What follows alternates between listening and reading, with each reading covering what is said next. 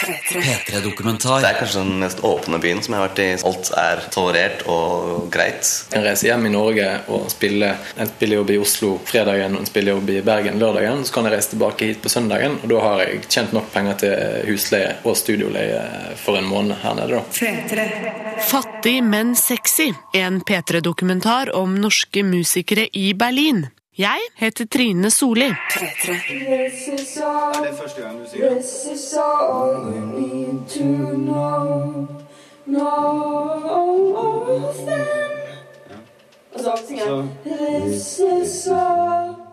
Nå er vi på et sånn fantastisk øvingslokale som vi har funnet her i Berlin. Som vi leier oss inn i av og til, regelmessig, og øver. Og akkurat i dag så øver vi, har vi en sånn slags ganske stor preproduksjon før for vi skal spille Vi både headliner en sånn kunst, kunstfestival i morgen i Pankow her i Berlin. Og så skal vi på turné. Hvert år flytter det unge, kreative mennesker fra Norge til Berlin for å jobbe med bl.a. musikk. Sandra Kolstad er en av dem. Med sine to albumutgivelser blir hun, om enn noe motvillig, gjerne omtalt som den norske dronninga av elektropop. Nå står hun i en T-skjorte med bilde av Ice-T på ryggen i et øvingslokale vest i kulturhovedstaden, sammen med bandet sitt bestående av Kyrre Bjørkås og Sprutbass. Det har jeg alltid sagt om Berlin. At jeg synes at Noe av det fineste med denne byen er at det er mulig å gjøre omtrent alt. Altså Det kommer folk hit med ideer som både er kjempegode og kjempedårlige. Og veldig mange av de ideene realiseres. Og det gjør at man kan gå rundt i denne byen og se Jeg har sett så mange dårlige konserter og dårlige teaterforestillinger og dårlig kunst. Og det er kjempemasse som er helt forferdelig dårlig.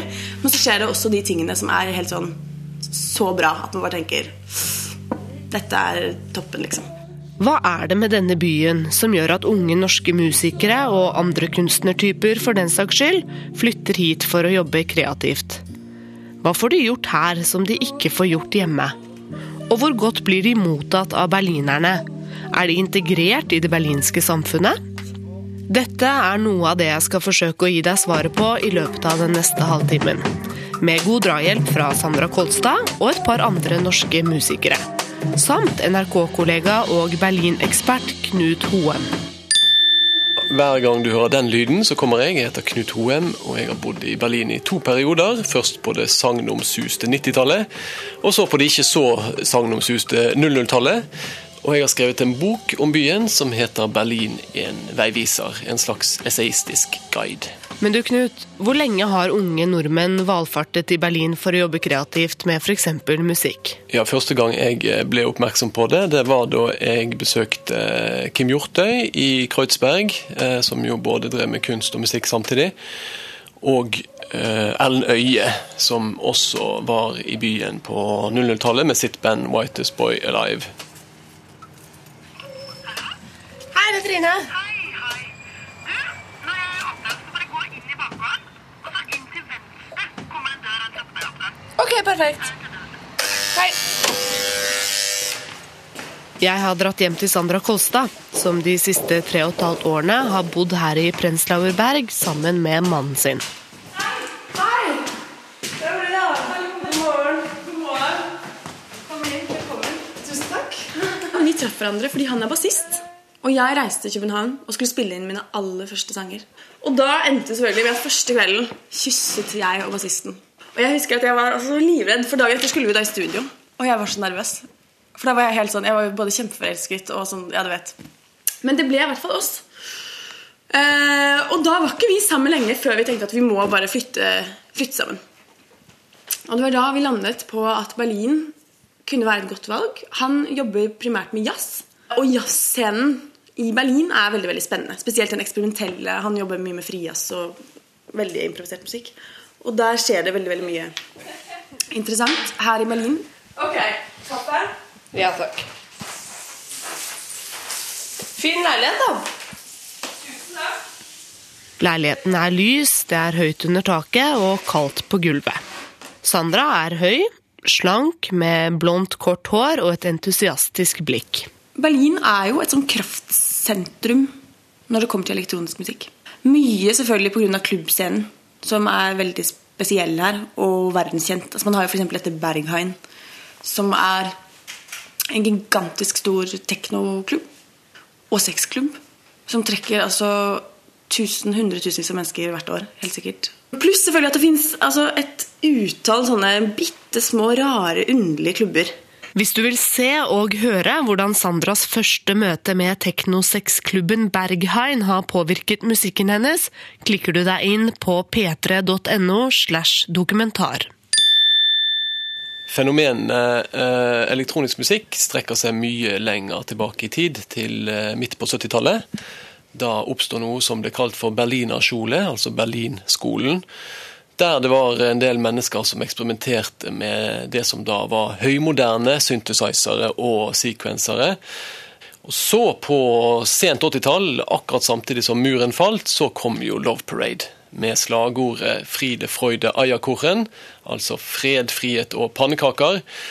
Og det som startet som eh, noen hundre mennesker på Brandenburger Tor, det var plutselig en million som danset nedover til teknomusikk. Og dette førte jo i sin tur til en enorm vitalisering av teknoscenen, som gjorde at en haug med nye klubber kunne holde åpent året rundt. Du, jeg har bare soyamelk. Er du Jeg husker jeg hadde en venninne som kom på besøk hit. Og hun hadde ikke vært der før. Så sa hun Sandra, dette er den styggeste byen jeg har sett siden jeg vokste opp i Sovjetunionen. For hun var sånn eh, ambassadebarn. Og det er nok sånn at jeg tror at mange syns Berlin er ganske grell. Og det er jo sant. Det er ganske brutalt her. Så jeg er jo glad i det der brutale. Det er mye sånne store, åpne gater. Veldig brede. Det fins ingen å-gå-gater. Fins ikke her. Men også samtidig med dette brutale betongmurbybildet, så er det jo også en veldig grønn by. Og det setter jeg veldig stor pris på. Det er masse gigantiske parker. Og mye vann. Bare her i nærheten så har vi Weissensee, som er ti minutter på sykkel. Hvor det er helt nydelig. Et lite vann, man kan bade, og det ligger noen kafeer Så det igjen, og det er også jeg, på en måte er med på å forsterke det bildet av Berlin som en veldig kontrastfylt by. sant? Det der, og ellers så er det jo selvfølgelig hele det der Berlin om natten er jo veldig spesielt. Alle disse utallige bitte små hullene i veggen som plutselig viser seg å være liksom puber og sexklubber og ja. Men ellers så vil jeg jo si med Berlins borgermester Berlin er arm, aber sexy.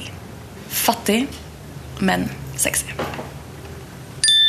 Berlin er i tysk sammenheng en veldig fattig by. Det har å gjøre med at eh, Tyskland er et land som er delt inn i såkalte forbundsstater, som i stor grad har eh, ansvar for økonomien sin sjøl. Berlin har ikke ressursene. De har alltid ligget i vest, i Ruhr-området. Og de har ikke vært noe teknologisentrum på samme måte som eh, Bayern. Dermed så er de to tingene som berlinerne tjener penger på, det er turisme, og det er at de er blitt hovedstad. Men dette er ikke nok til å holde liv i en så svær by. Det er billig å få ting til å skje. Og det tror jeg ikke man skal kimse av. Hvilket rom det skaper. Hvilket handlingsrom det gir kunstnere og skapende mennesker. For det første så får jeg jo mulighet til å leie et fantastisk atelier hvor jeg er nå. Som er stort og fint, og hvor jeg liksom virkelig får jobbet godt. Så jeg hadde et eget studio her. Vi spilte inn den forrige plata. Eller i hvert fall deler av den. Som også er et pengespørsmål. At jeg lot det gjøre. Så det er liksom de praktiske, økonomiske sidene av det. Men ellers så er det det der liksom at byen er så stor. Jeg opplever ikke at det er veldig sånn lett å skape her. Jeg går nedover Danzigerstrasse, en av disse brede gatene øst i byen, i bitende Berlin-kulde. Jeg er invitert på huskonsert hjem til musiker Erik Skodvin. Han har bodd og jobbet i Berlin de siste fire årene. Gøy. Skal vi betale her? Ja, betal. Ja. Er det din kjæreste? Ja. How much? Can choose between six and eight. Eight. Her kan de mellom 30 og 40 gjestene velge inngangspris selv. Mellom 6 og 8 euro. Dvs. Si mellom 40 og 60 kroner. Ingen høy pris for en intimkonsert. Hvorfor gjør du dette hjemme? Rett og slett fordi vi har muligheten til det nå, etter å ha flytta til et litt større sted. Vi har alltid hatt lyst til å kunne gjøre sånne ting, så vi prøver det ut, rett og slett. Og vi begge to driver plateselskap, så det, vi har alltid noen innom byen som kunne trengt noe slikt. Så det passer veldig bra. Noen står, noen sitter på stoler, andre på gulvet. Lyset er dempet, mange har kjøpt seg en flaske øl eller økologisk limonade. Det er utvilsomt hjemmekoselig. Vel, det blir jo så klart mer intimt, pluss at vi rett og slett En annen ting med å bo i er at det er alltid folk innom byen som kanskje ikke har fått seg en konsert, eller fordi det er vanskelig, eller at det er noen vi kjenner som tilfeldigvis er innom, så vi kanskje spør ja, da kunne dere gjort en konsert her, for veldig, vi kan gjøre det spontant. Så da får man eh, litt noe som man ikke ville fått ellers. Vi har vært, jeg har vært på noen sånne her i Berlin tidligere som jeg har vært veldig gøy. Det er mange grunner til at Erik syns dette er lettere å gjennomføre her i Berlin enn hjemme i Norge. Altså, hovedgrunnen er vel at man får lov til veldig mye her. At det er ikke så vanskelig å kunne arrangere noe og selge alkohol. og Med litt mer toleranse. Toleransen er helt klart en, en, et grunn. Og at det er åpenhet for at det er veldig mange som kommer ned her, som jeg hooker tak i og får til å spille her, som kanskje ikke skjer så ofte i Oslo.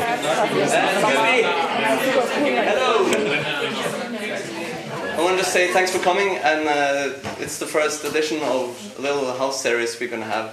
Today we have uh, Monet to Dark from London, which is Anna Rose Carter on piano, and Christopher Bailey on amp processing. Now, Monet to Dark is going to start playing.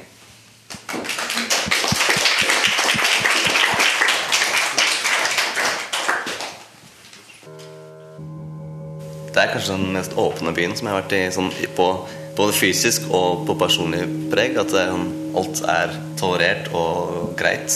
På sommeren sitter alle ute, og det er helt greit. Liksom, ingen stress. Det er ikke noe sånn noen som kommer og skal jage deg bort hele tiden. Det, det er kanskje det beste med Berlin. Det er en sånn toleranse som er liksom implantert i byen litt. Den har vært gjennom veldig mye rare greier, så det, det har sikkert satt sitt preg på byen. Da. Det er også så klart en stor grunn til at mange vil komme hit også. Få den roligheten og den Pluss at det er en storby, så du har muligheten til begge deler. Mulighetene er mange i Berlin, og kulturtilbudet er usedvanlig stort. Og når det skjer så mye hele tiden, kan også det bli en ulempe. Man må være litt sånn selvdisiplinert helt klart. Man må det, er det er, du har tilbud om bra konserter hver dag nesten. Så faktisk det er veldig mange ting som jeg ville sett i Oslo, for det hadde kommet i mindre frekvens. Men nå er det sånn ja, nå får jeg heller Jeg må jobbe, så jeg må være hjemme, eller det er noen i morgen, i morgen som jeg må på. Så det, det er kanskje en, en ulempe, helt klart.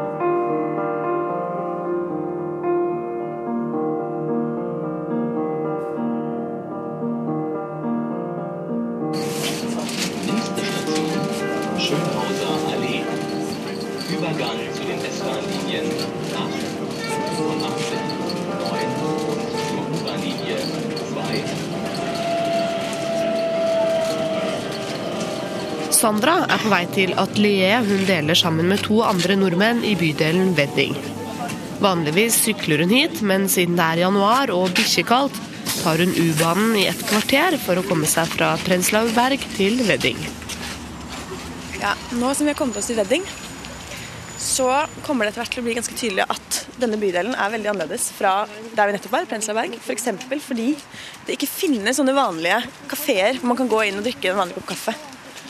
Det er det nesten ikke her. Altså det er sånne Det er mest på kebabsjapper og telefonbutikker, for å sette det litt på spissen. Og kasinoer er det som deler. Så det gir jo denne delen av byen en ganske annen atmosfære av den grunn. Berlin er en eh, segregert by fordi at eh, det er så veldig ulikt hvilke av bydelene som lykkes, og hvilke som ikke lykkes. Noen bydeler er blitt eh, hippe, f.eks. Prenzlauer Berg. Der går det veldig bra. Andre bydeler har havnet i skyggen etter murens fall, og da er Wedding et eksempel på det. For halvannet år siden så skulle jeg gå og legge meg en kveld. Og så ropte kjæresten min Petter Sandra, det brenner! Han er svensk. Det brenner i bakgården. Og så bare kom, kom det sånn svart røyk ut fra døren.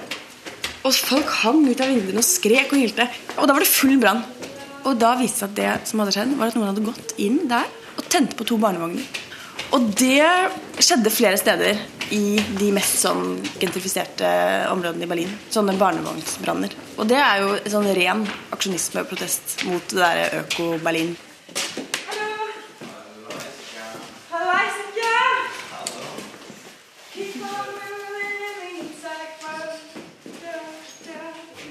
Sandra jobber seg gjennom e-postinnboksen.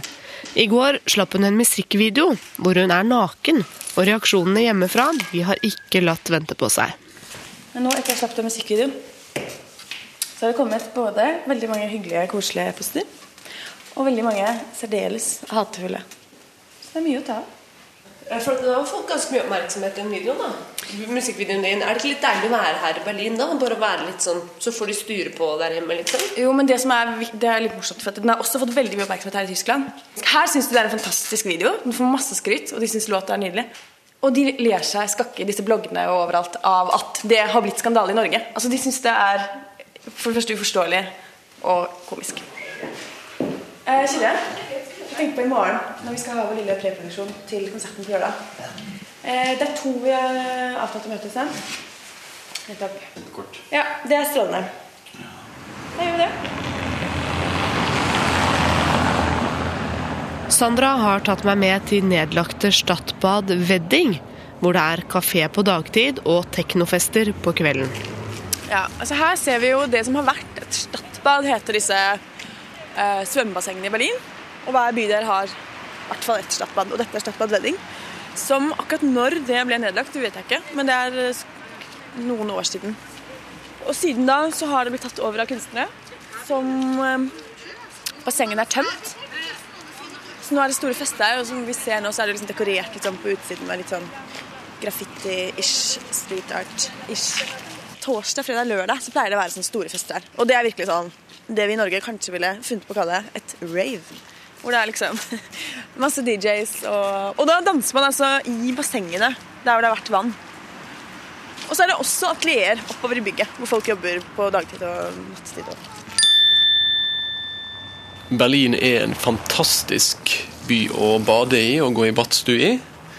Så finnes det jo også da 26 offentlig drevne svømmehaller, og i tillegg 22 såkalte offentlige saunaer. Og de får jo altså 39,8 millioner euro i årlig støtte for å drive disse eh, badeanstaltene sine. Og det igjen handler jo om at vi har å gjøre med en kjempesvær by. Like mange mennesker som i hele Norge til sammen. Og hver bydel har tradisjonelt sett hatt sitt eget bad. Og når du tenker på hvor mange bydeler det finnes i Berlin, så er det mange bad å ta vare på. Her er liksom veiviseren til den gamle svømmehallen. Her ser vi at på liksom grunnplan så er det svimhallen, altså selve badebassenget. Og omkleiderom, altså omkledsgarderobe. Erfrischungsraum, altså forfriskningsrom. Det faller deg veldig naturlig å, å si disse navnene på tysk. Ja. Snakker du godt tysk? Jeg snakker, eh, snakker tysk. Jeg hadde tysk på skolen i fem år.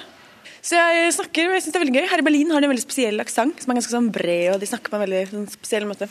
Og det er spesielt gøy, syns jeg, å liksom prøve å nærme meg den aksenten. Jeg har inntrykk av at mange av de norske som er her, ikke tar seg bryet med å lære seg tysk. Ja, det er sant. Det var jeg veldig opptatt av da jeg flyttet dit. Skulle, men jeg, var veldig, jeg hadde ikke lyst til å havne i en sånn skandinavisk boble, som mange gjør. Og Det var for en av grunnene til at jeg virkelig liksom bare begynte å snakke tysk den dagen jeg kom. Selv om da var den jo rusten. liksom. Det var jo lenge siden jeg hadde gått på skole og lært tysk. Og at jeg helt sånn aktivt gikk inn for å få tyske venner fra Berlin. Fordi det jeg, eller det er viktig for meg i hvert fall, når jeg er her, å liksom virkelig være en del av byen. Og ikke bare en sånn kollektiv kunstnerdrøm som noen finner på å drømme. Her er det et stille parti før låten begynner igjen. Og så går han rett på og lurer på å fjerne noen klappinger. Mannen som sitter foran en PC-skjerm og pirker på sin siste låt, heter Henning Sæverud. I tillegg til å lage egen elektronisk musikk, er han DJ. Du kan si de, de klappene, det er Studio hvor Henning jobber er lite, men nyoppussa. Lufta er tett, og så godt som all gulvplassen er dekket med utstyr. En synt, en gammel kassettspiller, hauger av rytmeinstrumenter, platespillere og en elgitar. Det er disse her. De lydene der. Det er kanskje Var de der nå? Ja, de var der. De hørte ikke jeg, men de hørte du altså. De skulle bort. De hørte jeg. Jeg er jo enten forbannet med eller velsignet med evnen til at jeg klarer å plukke ut alle elementer i musikken til enhver tid. da. Eh, Noe som kan være irriterende. Her får Henning både tid og rom til å jobbe med musikk. Han har funnet en etterlengtet musikalsk frihet. til å kunne gå i studio og bruke en hel dag på å skru én lyd på en synthesizer. Så det er en helt annen måte å jobbe på. Alt jeg gjorde her til å begynne med, det hadde en slags hast, stresspreg. da, fordi jeg var så vant til at når jeg hadde tid til å lage musikk eh, hjemme i Norge, så hadde jeg kanskje bare fire timer, fem timer eller sånn. Og så endte det opp med at jeg ble sittende til klokken fem om morgenen, sov to timer, og så gikk på jobb. Og alltid denne nå, nå må jeg lage noe, og sånn. Og da, da blir det litt sånn hastverkpreget, da. Hvis jeg starter dagen min her klokken tolv, f.eks., så kan jeg jo gjerne bli her til seks om morgenen. Hvis, hvis jeg får hånden over meg og plutselig er inne i noe godt noe. Og da kan jeg komme hjem, og så kan jeg eh, kjøpe ferskt brød fra tyrkeren på hjørnet som akkurat har åpnet bakeriet sitt. Gå hjem og sove, og så kan jeg stå opp klokken fire neste dag med god samvittighet. Og det er en sånn frihet som er jævlig viktig for, eh, for musikken og kunsten generelt, da, tror jeg. Ja. Og så har jeg jo litt uh, kubjeller og ting. Bongo. Kongas og en liten bunch med forskjellig perkusjon. Hvorfor er det så mye bedre her enn i Norge? Og der- er jo en viktig del av hvorfor jeg har det så fint her, er jo valuta, rett og slett. da at jeg kan reise hjem i Norge og spille en spillejobb i Oslo fredagen og en spillejobb i Bergen lørdagen. Så kan jeg reise tilbake hit på søndagen, og da har jeg tjent nok penger til husleie og studioleie for en måned her nede. da. Og det er jo fordi jeg er så heldig at jeg kan jobbe for norske penger. Så det er jo på en måte mye av grunnen til at det er så bra å leve her for nordmenn. da. Det er mange nordmenn i Berlin som lever godt på norske penger. Hva syns egentlig berlinerne om det? Det er noen berlinere som er litt sånn eh, lei av alle turistene og folk som flytter hit og bare fester og bruker penger og ikke liksom integrerer seg i, i, i det tyske liv. da. Og det kan jeg jo egentlig bare si er med fullt rette. Ikke, Man prøver jo bare å være respektfull overfor de som, som er tyskere og, og, og som bor her, og ikke, ikke være sånne brautende turisttype. For det er jo sykt mange turister eh, hele tiden der. Det må være snev av misunnelse eller irritasjon der, for at du lever jo et liv som de ikke kan leve. Mm. Ja, det er helt riktig. Men hvis jeg jobber i Berlin og bor i Berlin, så er ikke det så veldig annerledes enn å jobbe i Norge og bo i Norge, sånn utgiftsmessig. Skal vi se Ja, ok. Hva skulle vært annerledes hjemme da, for at du ikke skulle dratt? Ja, for det første så er jo, så er jo skjenkepolitikken helt idiotisk. Eh, Og det sier ikke jeg fordi at jeg syns det er så sykt digg å kunne drikke sprit i 14 timer i strekk. Eh, Det har ikke noe med det å gjøre. Det har med å gjøre at alt må stenge klokken to eller tre. eller når det. Jeg tror det er to i Trondheim og tre i Oslo. Og det er bare det at det, det kveler musikken og kulturen jeg holder på med, da, som er klubbmusikken. Min forrige spillejobb jeg hadde her for uke, to uker siden, da begynte jeg klokken fem. Jeg spilte fem til åtte om morgenen. Og det er et sånt sted som åpner fredag og stenger søndag. Så du kan egentlig være der hele tiden hvis du vil. Og det er mye større frihet eh, sånn musikalsk sett. Det har ingenting med alkohol eller drikking i seg sjøl å gjøre. Det har med å gjøre at, at folk stikker jo når de ikke lenger kan kjøpe noe eh, alkohol. Og det er jo helt idiotisk at man skal stoppe skjenkingen eh, tidlig og samtidig alle steder og innbiller seg at det skal generere mindre bråk. Det kan jeg faktisk si. Jeg har vært her i nå to og et halvt år. Og jeg har aldri i løpet av de to og et halvt årene sett en eneste slåsskamp. Jeg var i Oslo og spilte og skulle gå 800 meter fra spillestedet til der jeg bodde. Og i løpet av de meterne så så jeg tre stykker som fikk bank på fortauet. Liksom. Det er jo bare nitrist og helt idiotisk.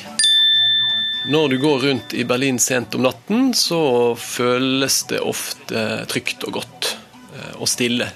Nok en gang har det å gjøre med at byen er så stor, så problemene er spredd utover et mye større område enn f.eks. i Oslo. Samtidig så er det jo en veldig sterk alkoholkultur i Tyskland. Det er ikke ok å drikke seg sanseløst full. Det blir regnet som flaut. så det bør du unngå i Berlin. Hi, uh, we are looking for uh, a friend who's here to. Sandra. Sandra, yeah. Sandra's here. Okay. Just follow me. Thank you. Jeg er tilbake i øvingslokalet, hvor Sandra og bandet gjør siste finpuss før morgendagens konsert. Hei. Kom inn.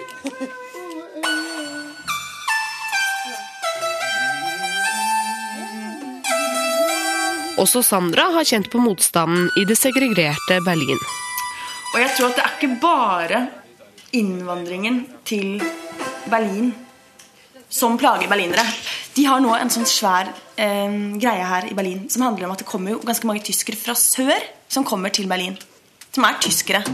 Så nå har altså folk har begynt å kalle rundstykker altså Det blir helt sånn banalt, men dette diskuterer de da. Noe annet enn det klassiske Berlin-uttrykket for rundstykke har vært det er ikke brødkjønn. Det er et annet, jeg hva det er. Men nå har flere og flere begynt å si, bruke det sørtyske ordet for rundstykker. Og da blir berlinerne helt sånn Det synes de er helt forferdelig. Så det står nå på plakater som står liksom Kom dere hjem, sørtyskere. Det er tyskere. Forstår du? Det er liksom Etter at muren falt, så forsvant også den tradisjonelle skillelinjen mellom øst og vest. Eller den ble i hvert fall svekket. Isteden så kom det en eh, nord-sør-konflikt. Og det er mellom eh, de innfødte berlinerne i nord og tilreisende, tilflyttende unge mennesker fra Stuttgart til Bayern. De blir kalt for Schwaben, og de kom med sin velfødde, eh, velstående og veldig selvsikre sørvesttyske kultur på en måte som berlinerne opplevde som invaderende. De oppleves også som eh, mer pengesterke og snobbete og ufyselige. Kanskje det er fint, ja. For da får jeg enda mer tyngde når du kommer inn igjen. Jeg tror jeg kan teste det i morgen. Det må jo være spesielt. Jobber man på en kafé her i Berlin, så tjener man fem euro i timen. Sånn som det er nå, så er det rett under 40 norske kroner. Jeg vet at mine tyske venner som er kunstnere og musikere, syns det er underlig at mange av de norske kunstnerne som kommer hit, lever jo på statlige penger. Det er klart det er underlig. Men jeg tror ikke det skaper så mye vrede akkurat i de miljøene. Men jeg tror at fordi det er så store forskjeller i denne byen, så er det klart at folk Det er jo så konkret at folk må flytte på seg. Sant? Folk må forlate sine hjem fordi de har ikke råd til å bo der lenger. Og det er jo ekstremt. altså Det er jo alvorlig. Butikker altså legge, åpner opp og legges ned hele tiden. Og det for meg tror jeg er liksom det sterkeste symbolet på et Berlin som, hvor folk virkelig går til grunne hver dag.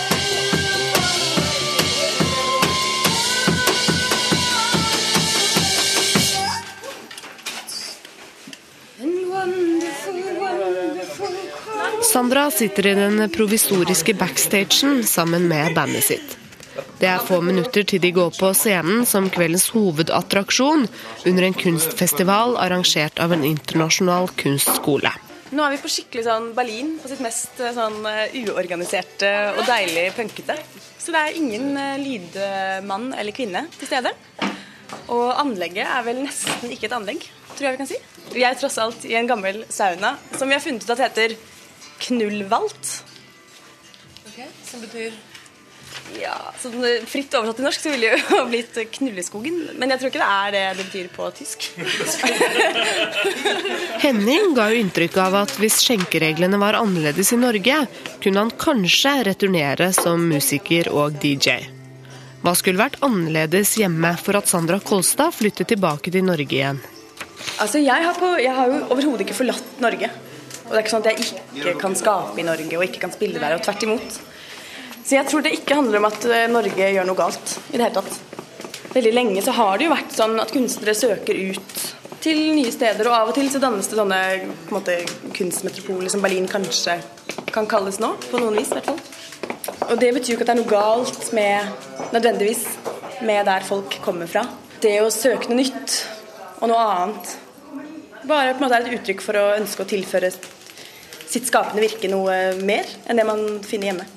guys, can we clear the backstage a little bit before we round in just one bit? Helt litt vi Ses på andre sida.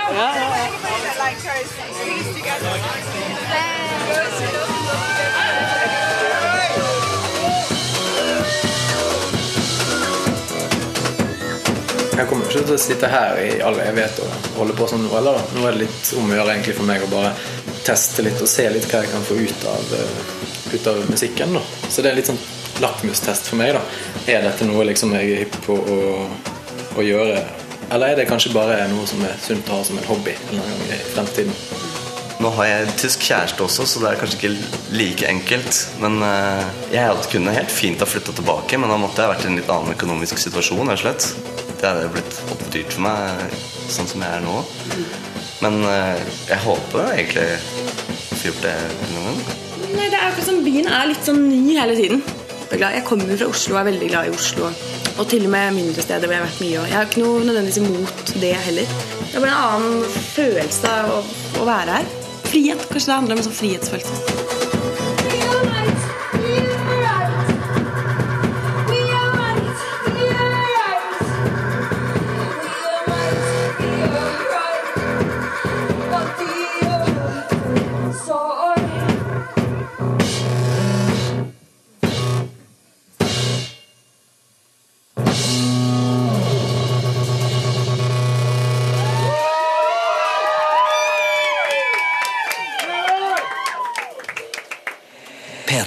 P3-dokumentar søndag klokka ni på P3 og når du vil på p3.no. P3.